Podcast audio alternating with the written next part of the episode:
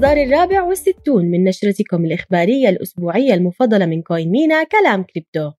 هذا الأسبوع أعلنت إمارة راس الخيمة عن منطقة حرة صديقة للعملات الرقمية وشركات تنسحب بعيدا عن بنك الكريبتو المتعثر Silvergate وتأجيل ترقية الإثيريوم شنغهاي كل هذا وأكثر لذلك دعونا نبدأ في نشرة هذا الأسبوع من كلام كريبتو. أخبار محلية. إمارة رأس الخيمة تطلق منطقة حرة للعملات الرقمية أطلقت إمارة رأس الخيمة أول منطقة حرة لشركات الأصول الرقمية والافتراضية في العالم تحت مسمى واحة رأس الخيمة للأصول الرقمية. ستخصص المنطقة الحرة للقطاعات المستقبل الجديدة والتقنيات الناشئة مثل البلوكتشين والتطبيقات اللامركزية والNFTs والمنظمات المستقلة اللامركزية وغيرها من الشركات المعنية بتقنيات الجيل الثالث والويب 3 يأتي ذلك بعد شهر واحد من إصدار سلطة دبي لتنظيم الأصول الافتراضية لوائح الأصول الافتراضية والأنشطة ذات الصلة 2023 وهو إطار تنظيمي شامل لقطاع الكريبتو. تسلط هذه التطورات الضوء على النهج التنظيمي الإيجابي لدولة الإمارات العربية المتحدة تجاه قطاع الكريبتو. لا سيما وأنها تطمح الآن لتصبح مركزا عالميا للعملات الرقمية ووجهة رائدة للابتكار. أخبار عالمية. مشاكل بنك Silvergate المالية. يخسر بنك ال crypto Silvergate عملائه ويواجه صعوبات مالية حيث كشفت وثائق المحكمة عن انخفاض في رأس مال البنك. حيث قامت شركات العملات الرقمية الكبرى بما في ذلك Coinbase، Paxos، Circle و Digital Galaxy بالانسحاب بعيدا عن البنك المتعثر. وعلى غرار البنوك التقليدية يعمل Silvergate كبنك احتياطي جزئي ولا يطلب منه سوى الاحتفاظ إلا بما نسبته من 8 إلى 13% من الودائع مما يترك المودعين عرضة للخطر في حالة حصول تهافت على سحب الودائع من البنك. دفع الانهيار الأخير لسوق العملات الرقمية العديد من الشركات إلى سحب ودائعها من Silvergate مما أدى إلى تفاقم المشاكل المالية للبنك يذكر أن الخدمات البنكية الاحتياطية الجزئية تنطوي على مخاطر مالية لا تخفى عن الملمين بالعملات الرقمية والذين يعملون بلا كلل أو ملل على معالجتها.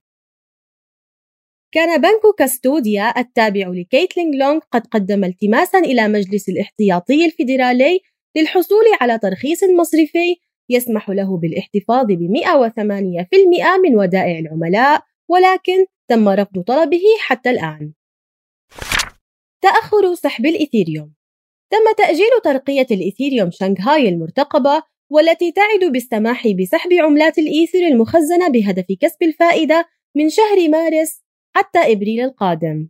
لم يتم تأكيد تاريخ انقسام الشبكة الرئيسية ولكن من المتوقع أن يكون بعد شهر من الانتهاء من شبكة الاختبار.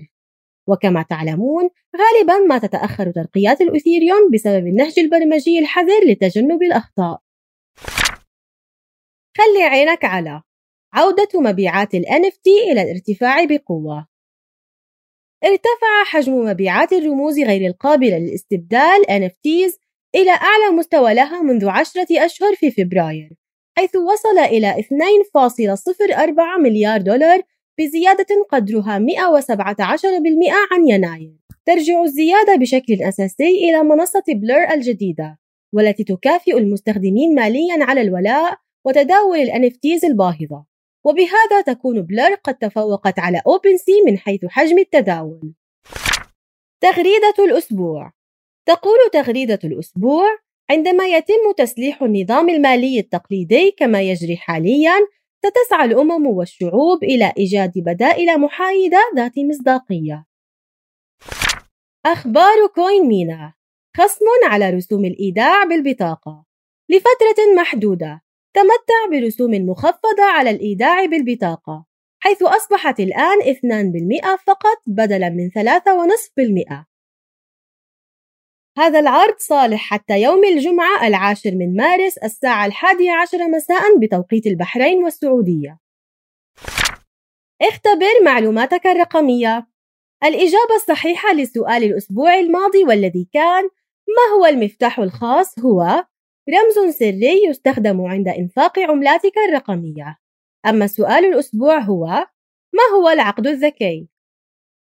هل هو اتفاقية بين طرفين يتم تنفيذها تلقائيا بواسطة برنامج كمبيوتر أم برنامج يستخدم لتعدين العملات الرقمية أم محفظة برمجية تستخدم لتخزين العملات الرقمية أم هو رمز عام يستخدم لتلقي العملة الرقمية؟ تجدون الإجابة الصحيحة في النشرة الإخبارية القادمة